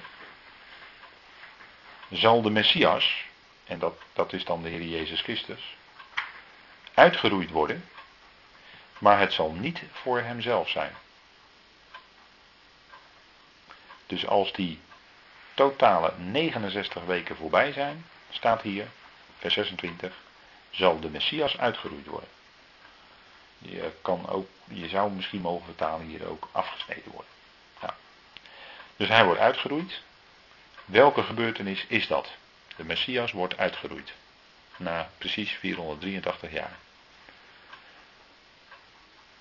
Wat voor gebeurtenis, belangrijke gebeurtenis is dat? De? Ja, de kruisiging. Dus de, inderdaad, 10, 10 tot en met 14 Nisan. De tiende werd het lammetje in huis genomen. Dat was de intocht in Jeruzalem, Paul. Dat gebeurde op de tiende Nisan. Trok hij ook Jeruzalem binnen. Geweldige symboliek zat daar natuurlijk achter vanuit de Tenach, vanuit de, vanuit de Torah. Namelijk op de tiende Nisan moesten de Joden een lammetje in huis nemen om, dat was hun Pascha, hun Pesach. En nu kwam hij zelf in zijn eigen huis, namelijk in Jeruzalem. Hij trok Jeruzalem binnen, Palmpasen. En ze haalden hem binnen als de koning. Maar er zou iets totaal anders gaan gebeuren. Er zat een geweldige, uh, er zat iets, natuurlijk een geweldige profetie zat erachter, namelijk uh, dat lammetje, dat kenden de Joden natuurlijk, dat haalden ze in huis, dat moest geslacht worden en dat aten ze als een herdenking van de uittocht uit Egypte. Maar er zat ook een geweldige profetie in dat hele gebeuren, namelijk Heer Jezus Christus zou zelf het lam zijn. Hè? Zei Johannes ook, zie het lam van God dat de zonde van de wereld wegdraagt. En hij trok eigenlijk als dat lam, dat grote paaslam, trok hij Jeruzalem binnen op de tiende Nisan. En wat gebeurde daarna? Nou, dat is wat we deze week ook met elkaar gedenken, Goede Vrijdag. Dat hij gekruisigd werd. En dat hij dus gedood werd. Het lam werd geslacht. Het grote lam met een hoofdletter, onze Heer Jezus Christus, werd geslacht. Hij werd gedood. Waarom? Nou, om de zonde te dragen. De zonde van de wereld, hè, droeg hij weg. En dat is wat hier bedoeld wordt in vers 26. De Messias zal uitgeroeid worden. En dat, is, dat, dat wijst heen naar zijn kruisiging, naar zijn lijden en sterven aan het kruis. En ook, hè, hij werd gedood in het graf gelegd. Maar goed, achteraf weten we, hij is ook opgewekt. Hij is opgestaan op de derde dag uit de doden. Hij is opgewekt door de Vader. Nou, de Messias zal uitgeroeid worden. En er staat erbij, maar het zal niet voor hemzelf zijn. Nou, bij Bijbelstudie is het goed om vragen te stellen. Het zal niet voor hemzelf zijn. Lijkt een cryptische zin. Dan moet je afvragen, wat zal nou niet voor hemzelf zijn? Wat? Wat is niet voor hemzelf op dat, dat moment? koninkrijk. Ja, precies, dat koninkrijk. Hè? We hebben natuurlijk net al heel even gezien met elkaar. Toen hij kwam, predikte hij, bekeert u, want het koninkrijk de hemelen is nabijgekomen. En hier staat dan, het zal niet voor hemzelf zijn. Hij werd in het vorige vers nog genoemd, hè, Messias, de vorst. Vorst, hè. Vorst heeft te maken met heerschappij, met regering, met koningschap. Hier wordt hij nog de vorst genoemd. En enkele regels verder wordt hij genoemd de Messias en dat hij uitgeroeid zou worden. Nou, wat, wat wordt hij dan dus niet? Nou, op dat moment wordt hij nog geen vorst. Hij wordt uitgeroeid. Hij wordt gekruisigd, weten we achteraf. En dat gebeurde exact na die 483 jaar. Na dat woord van Artaxerxes. Dat kun je zo, in de geschiedenis kun je dat natellen. Dat het volk kon terugkeren naar het land Israël. Uit ballingschap. En vanaf dat moment, precies na 483 jaar, werd inderdaad deze profetie vervuld. De Messias werd inderdaad uitgeroeid. Hij werd gekruisigd. En dan uh, wordt daar een opmerking gemaakt van iets anders. Hè? Dan komt, dan staat er en het volk en een volk van een vorst. Dat komen zal. Of een volk van een vorst die komen zal. Hè? Of ja, de herziende herhaalt dan de woorden een volk, maar die zijn schuin gedrukt. Hè? Dus het staat er eigenlijk niet in de grondtekst. Een volk van een vorst dat komen zal. Of een vorst die komen zal. Nou goed, er komt dus een volk en een vorst. En wat gaan die doen? Die gaan de stad en het heiligdom te gronden richten. Het punt is dat hier eigenlijk die periode met de kruisiging van de Messias, wordt die periode van 490 jaar wordt afgebroken. Na 483 jaar gebeurt er iets wat hier beschreven staat. De Messias wordt uitgeroeid, hij wordt gekruisigd. Dus je zou als ware kunnen zeggen, God zet wat dat betreft de klok stil. Net zoals eh, schakers en dammers dat doen, hè, die met de klok spelen. Als ze een zet hebben gedaan, drukken ze de klok in en dan gaat de klok van de tegenstander lopen. Dus ze zetten hun eigen klok stil en de andere klok gaat verder lopen. Nou, zoiets, hè, met dit simpele voorbeeldje, wil ik even duidelijk maken dat die, die profetie van die 70 jaarweken, van die 490 jaar, na 483 jaar wordt onderbroken, wordt afgebroken. En er resteert dus nog één jaarweek, één periode van zeven jaar. En die moet nog steeds in vervulling gaan, die is nog niet in vervulling gaan. Hoe weten we dat? Want ja, je kan natuurlijk heel kritisch zeggen van, dat zeg jij nou wel, maar hoe weet je dat dan? Dan moet je even afvragen. Van hoe weten wij dat nu, dat het nog, nog toekomst is? We hebben het al gelezen met elkaar. Dus de, de, hè, de hint zit al in wat we gelezen hebben. Nou, wat alles verzegeld wordt, denk ik. of niet? Ja, het wordt verzegeld, ja, En er wordt een eeuwige gerechtigheid tot stand gebracht. precies. En de heiligheid van heiligheden wordt gezalfd. Precies, ja. Dan kan je natuurlijk afvragen van nou, Heiligheid wordt met een hoofdletter genoemd. precies, ja. En hè, als we het even hebben ook over die gerechtigheid.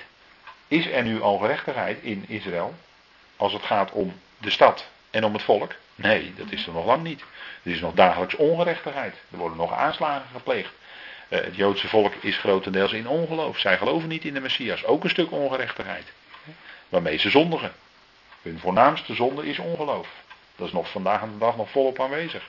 Is ook een stuk ongerechtigheid. Dus die gerechtigheid waarover in vers 24 gesproken wordt, die is er nog niet. Als we kijken nu in Jeruzalem en in Israël. En nou, we zijn er zelf ook nog onlangs geweest. En onlangs zijn er ook nog bekenden van ons geweest. Nou, die kunnen ervan getuigen dat er in Israël en in Jeruzalem nog steeds geen gerechtigheid is. Niet die gerechtigheid die de Messias Jezus zal brengen. Hè, die Jezus Christus zal brengen. Die is er nog niet. Dus daarmee zien wij in onze tijd onder ogen, hè, met onze eigen ogen, zien wij dat die laatste zeven jaar nog niet vervuld is, want er is nog geen gerechtigheid in het land. Jezus Christus heeft daar nog geen gerechtigheid gebracht. En ik denk dat dat een, een, een, een hele duidelijke zaak is, waar je, denk ik naar mijn mening, weinig, ja, daar zit weinig eh, beweging, eh, daar kun je weinig, eh, denk ik, aan morrelen. We constateren gewoon, Jezus Christus is nog niet teruggekeerd. Dus hij heeft ook nog geen gerechtigheid gebracht. Op het moment dat hij komt, komt er ook gerechtigheid. Hij is de gerechtigheid van God zelf. Dus als hij komt, brengt hij onmiddellijk gerechtigheid. Is er nog niet. Dus die laatste zeven jaar. Dus er is kennelijk een pauze opgetreden. Er zit kennelijk een bepaalde periode tussen die afsluiting van die 69ste jaarweek en het begin van die 70ste jaarweek. En we zitten nog steeds als het ware in die tussenperiode. En hoe lang die exact duurt qua aantal jaren, daarover staat niks in de Bijbel. Maar daarom is deze tijd ook zo belangrijk, omdat we dus zien, wat ik, hè, waar ik vanavond een beetje mee begon. Daarom is deze tijd zo belangrijk, omdat wij nu in het Midden-Oosten zien wij, en misschien is het goed om heel even uw kaartje erbij weer bij te pakken, zien wij dus die, laten we zeggen, Bijbelse landen weer gegroepeerd. Hè? Het land Israël, de Joodse staat. Het land Syrië. Nou, Jordanië staat er niet op die kaart, maar het is er wel. Dat is ook een Bijbels land. Libanon, hè? ten noorden van Israël.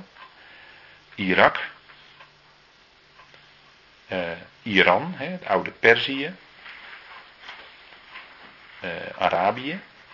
Hè, wat, wat, dan ook, wat ik al eerder zei, dat, is, dat wordt ook het Zuiderland genoemd. En dan Egypte, dat is ook een duidelijk Bijbels land, hè, wat, uh, wat in de Bijbel vaak genoemd wordt, in de profetieën.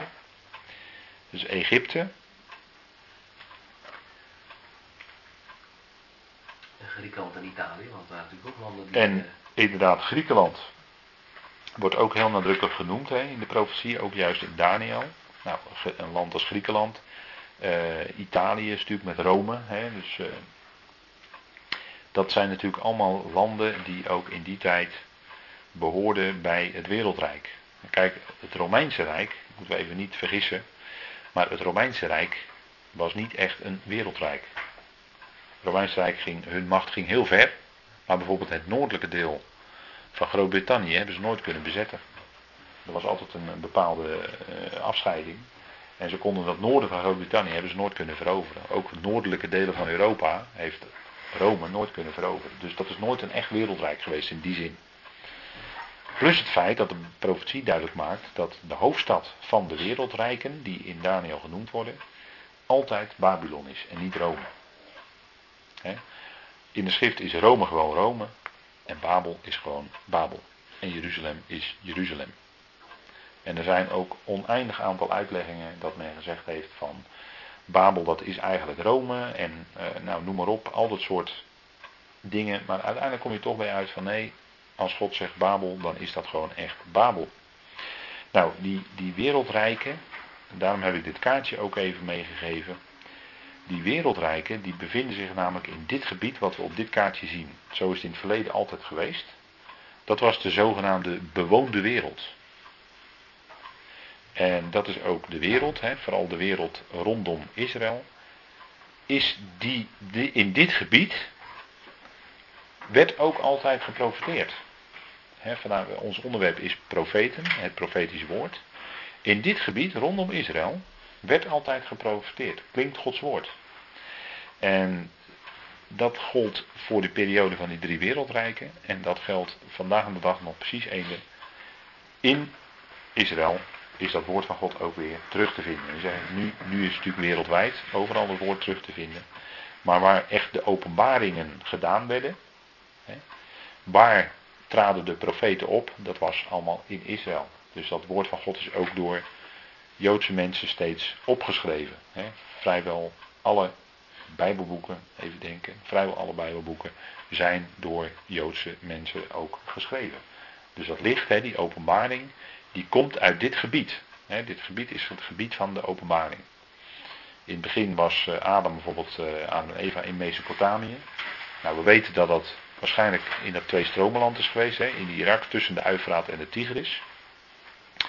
Dus het gebied wat we hier zien is eigenlijk het, ook de bewoonde wereld altijd geweest. En ook waar de wereldrijken, zoals die er geweest zijn, achtereenvolgens, en zoals die ook in Daniel genoemd worden, zijn geweest. Nou, dat, allereerst was het wereldrijk eh, Babel, hè, dus Nebukadnezar. Hè, dat was natuurlijk de situatie van Daniel, die bevond zich in Babel.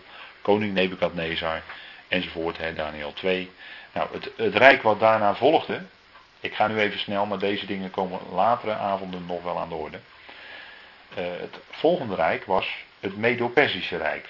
Dus Babel werd overgenomen als het ware door de Meden en de Persen. Dus het volgende wereldrijk was Medo-Perzië. Maar ook Medo-Perzië had Babel als hoofdstad.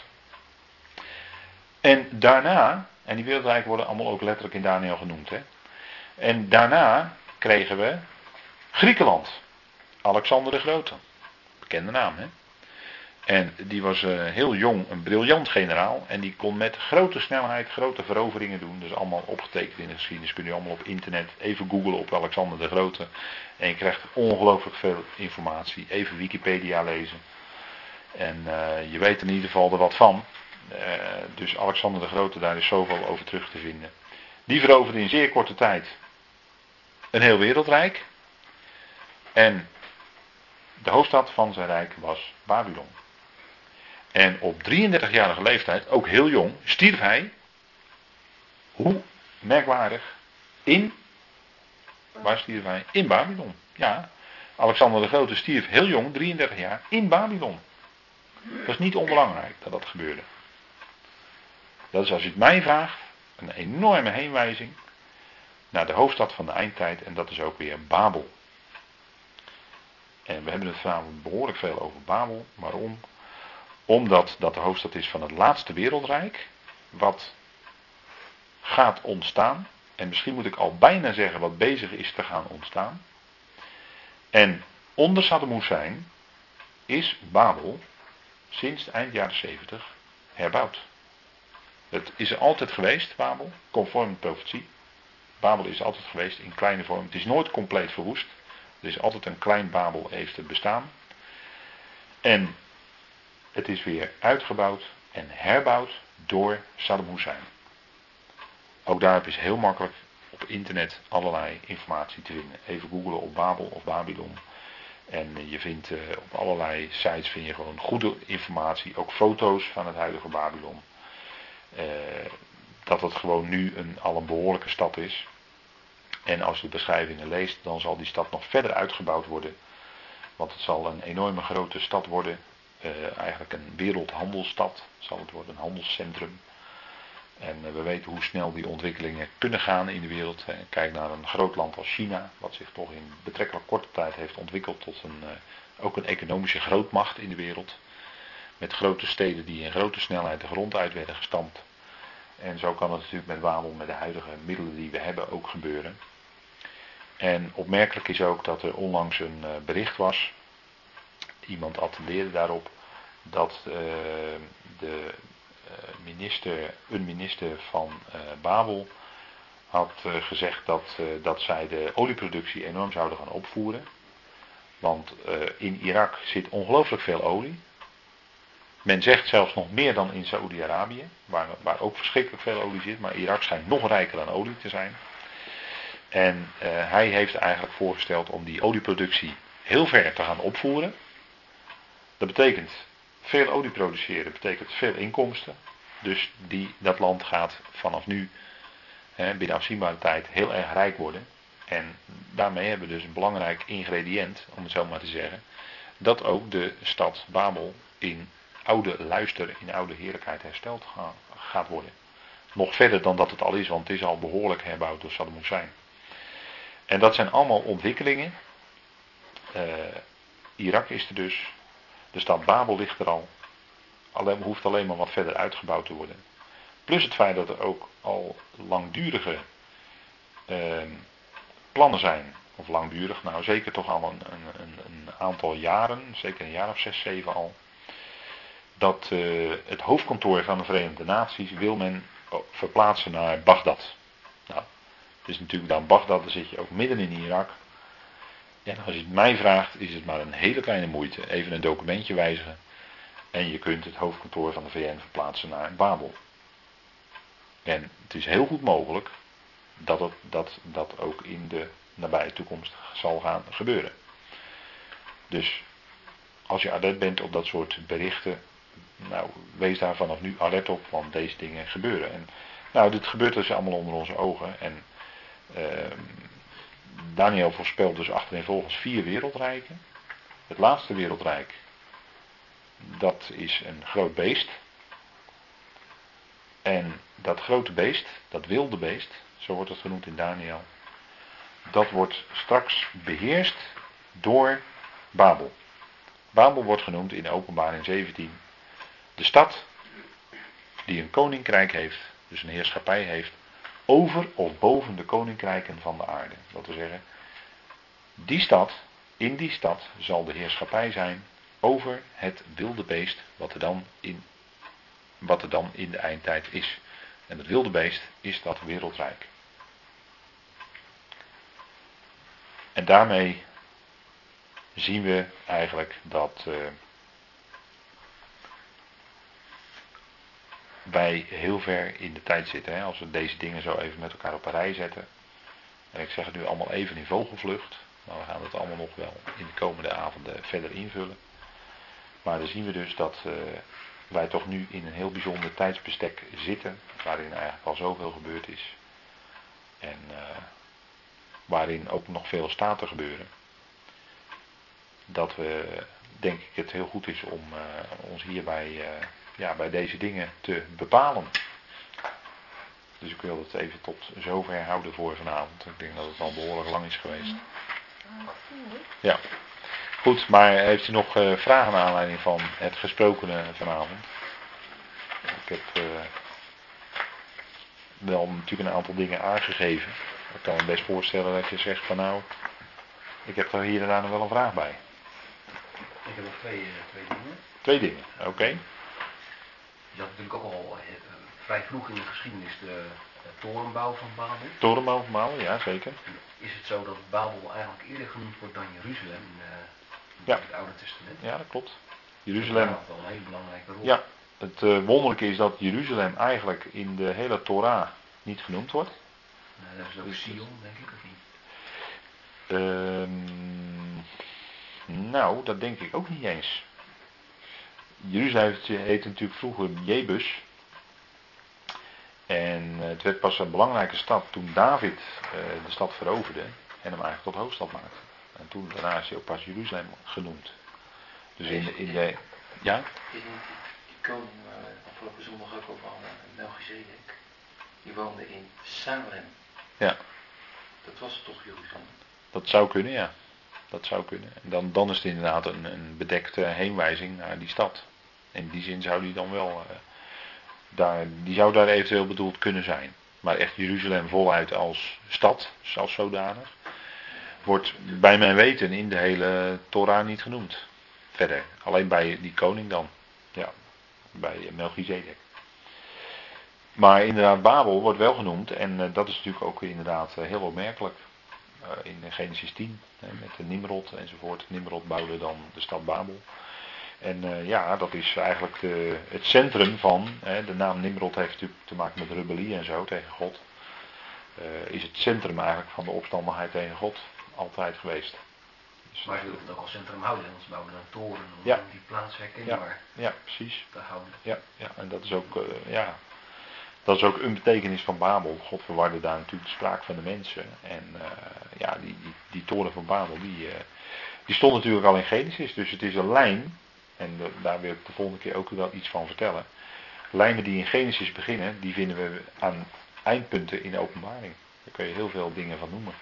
En dat geldt dus inderdaad voor Babel. In Genesis zie je het begin van Babel. En in de openbaring zie je het einde van Babel. Wordt Babel definitief verwoest. Voor altijd. Dus ja, dat, dat zijn, maar er zijn heel veel lijnen te trekken.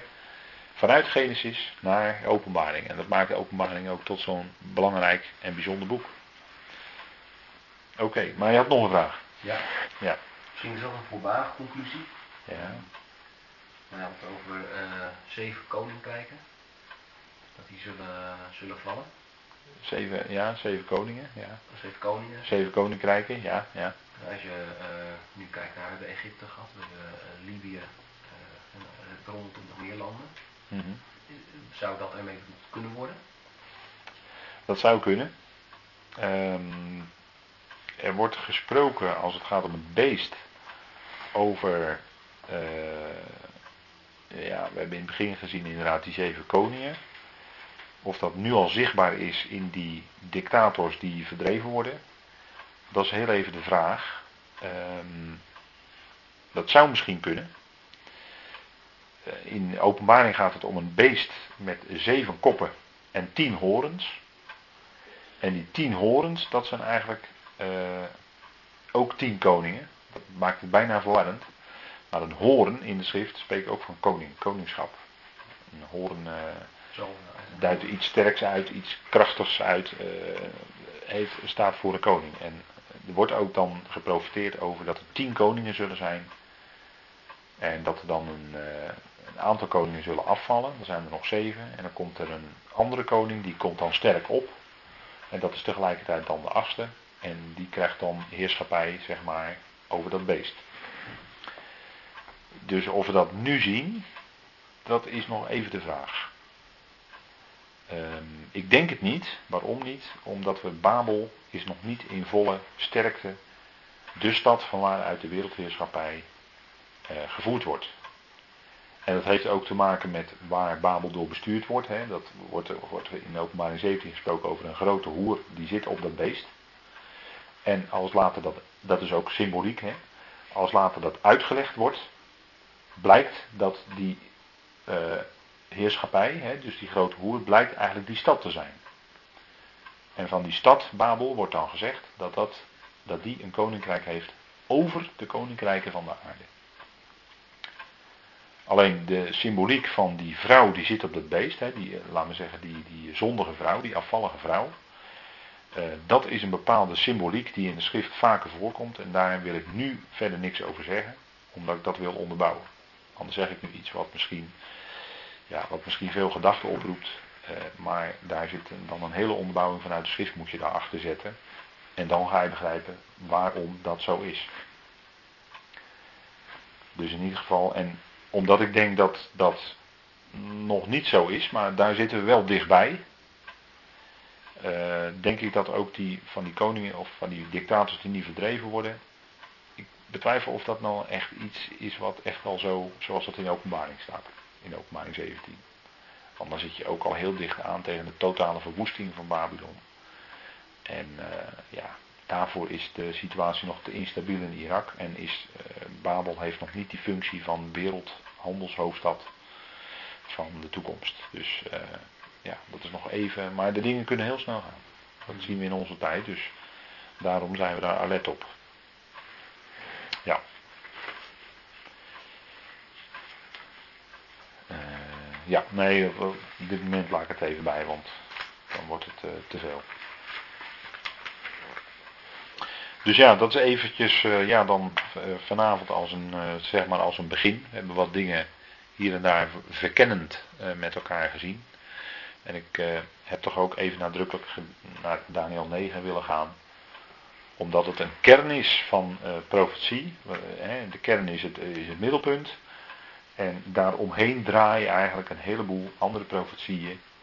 Die allemaal zo hun verbanden daarmee hebben.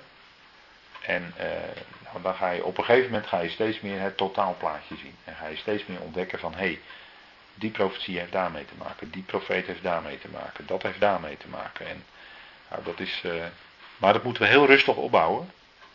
Anders is het heel complex. En eh, ja, dan moeten we ook wat, eh, dan ga ik ook nog wel doen, overzichtkaartjes, overzichten geven, schema's. Want dat heb je echt wel nodig. Is dan, in je gedachten is dat heel moeilijk, omdat het zo enorm complex is. Dus we willen daar gewoon dan in rustige stappen gaan we zetten naar steeds verder. En dan zult u ook gaan ontdekken eh, waarom dat wat wij nu zien in het Midden-Oosten zo ongelooflijk belangrijk is. En naar mijn zeer, zeer vaste overtuiging ook is dat wij zeer dicht aanzitten tegen de vervulling van het boek Openbaring. Eh, dat is, eh, Dus vandaar. Maar goed. Dat was wat mij betreft vanavond. Ik weet niet of er misschien nog andere vragen, vraagjes, opmerkingen zijn. Wat dan ook. Ik wil alleen even weten waar Ja. Perzië ligt. Perzië. Ja? Perzië is Iran. Dat is Iran. Perzië. Iran is Perzië eigenlijk, het oude Perzië. En, dit, en daaronder ligt dus Irak. De Shah van Perzië. Ja, die Shah is verdreven. Ja. Shah Reza Pahlavi hè, destijds, 1979, hè, de revolutie. Dat was het begin van de islamitische revolutie in het Midden-Oosten. En dat is eigenlijk ook het grote begin zijn geweest van de ontwikkelingen die we vandaag de dag nog steeds zien. En eh, die er nu toe leiden dat eh, wij dus eh, dicht tegen de vervulling van deze dingen aanzitten. Dus goed, hierbij willen we het vanavond laten. Heel hartelijk dank voor uw aandacht en ik wil afsluiten met een dankgebed.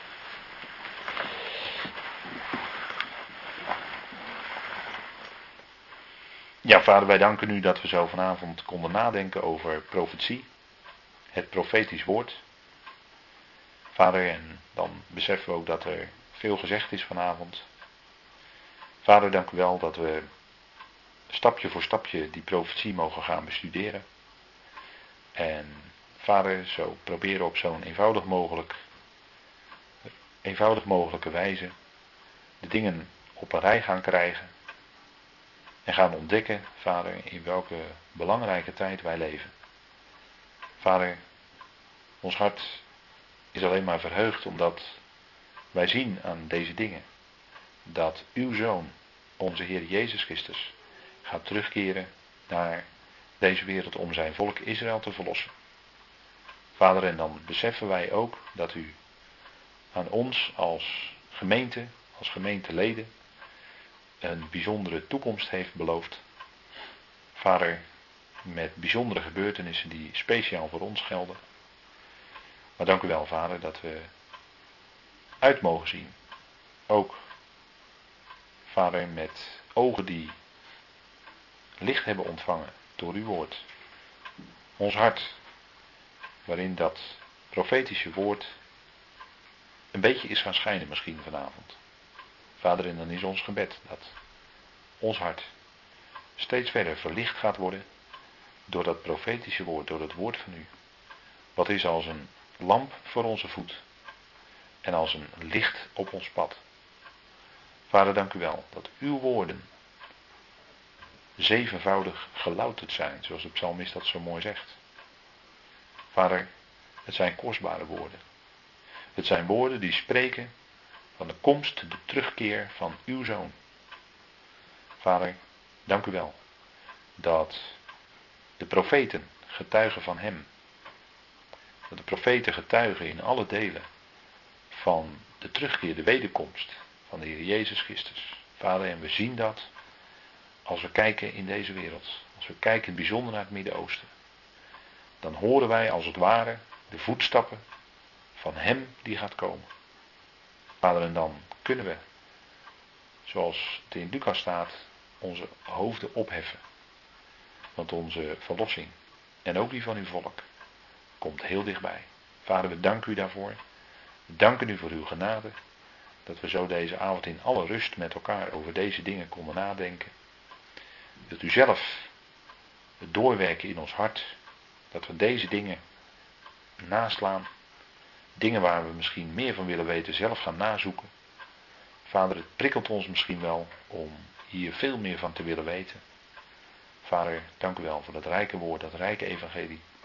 Dank u wel dat u zo'n groot God bent. En dat er inderdaad, zoals de profeet het ook zegt, een gerechtigheid zal komen. Die alleen maar kan komen door uw zoon. En die dan zal blijven. Die zal niet meer wijken, maar die zal blijven. Vader, daar dank u voor. We danken u voor uw trouw. Voor uw woord dat wij prijzen boven alles. Vader, omdat het uw kostbare woorden zijn die we koesteren.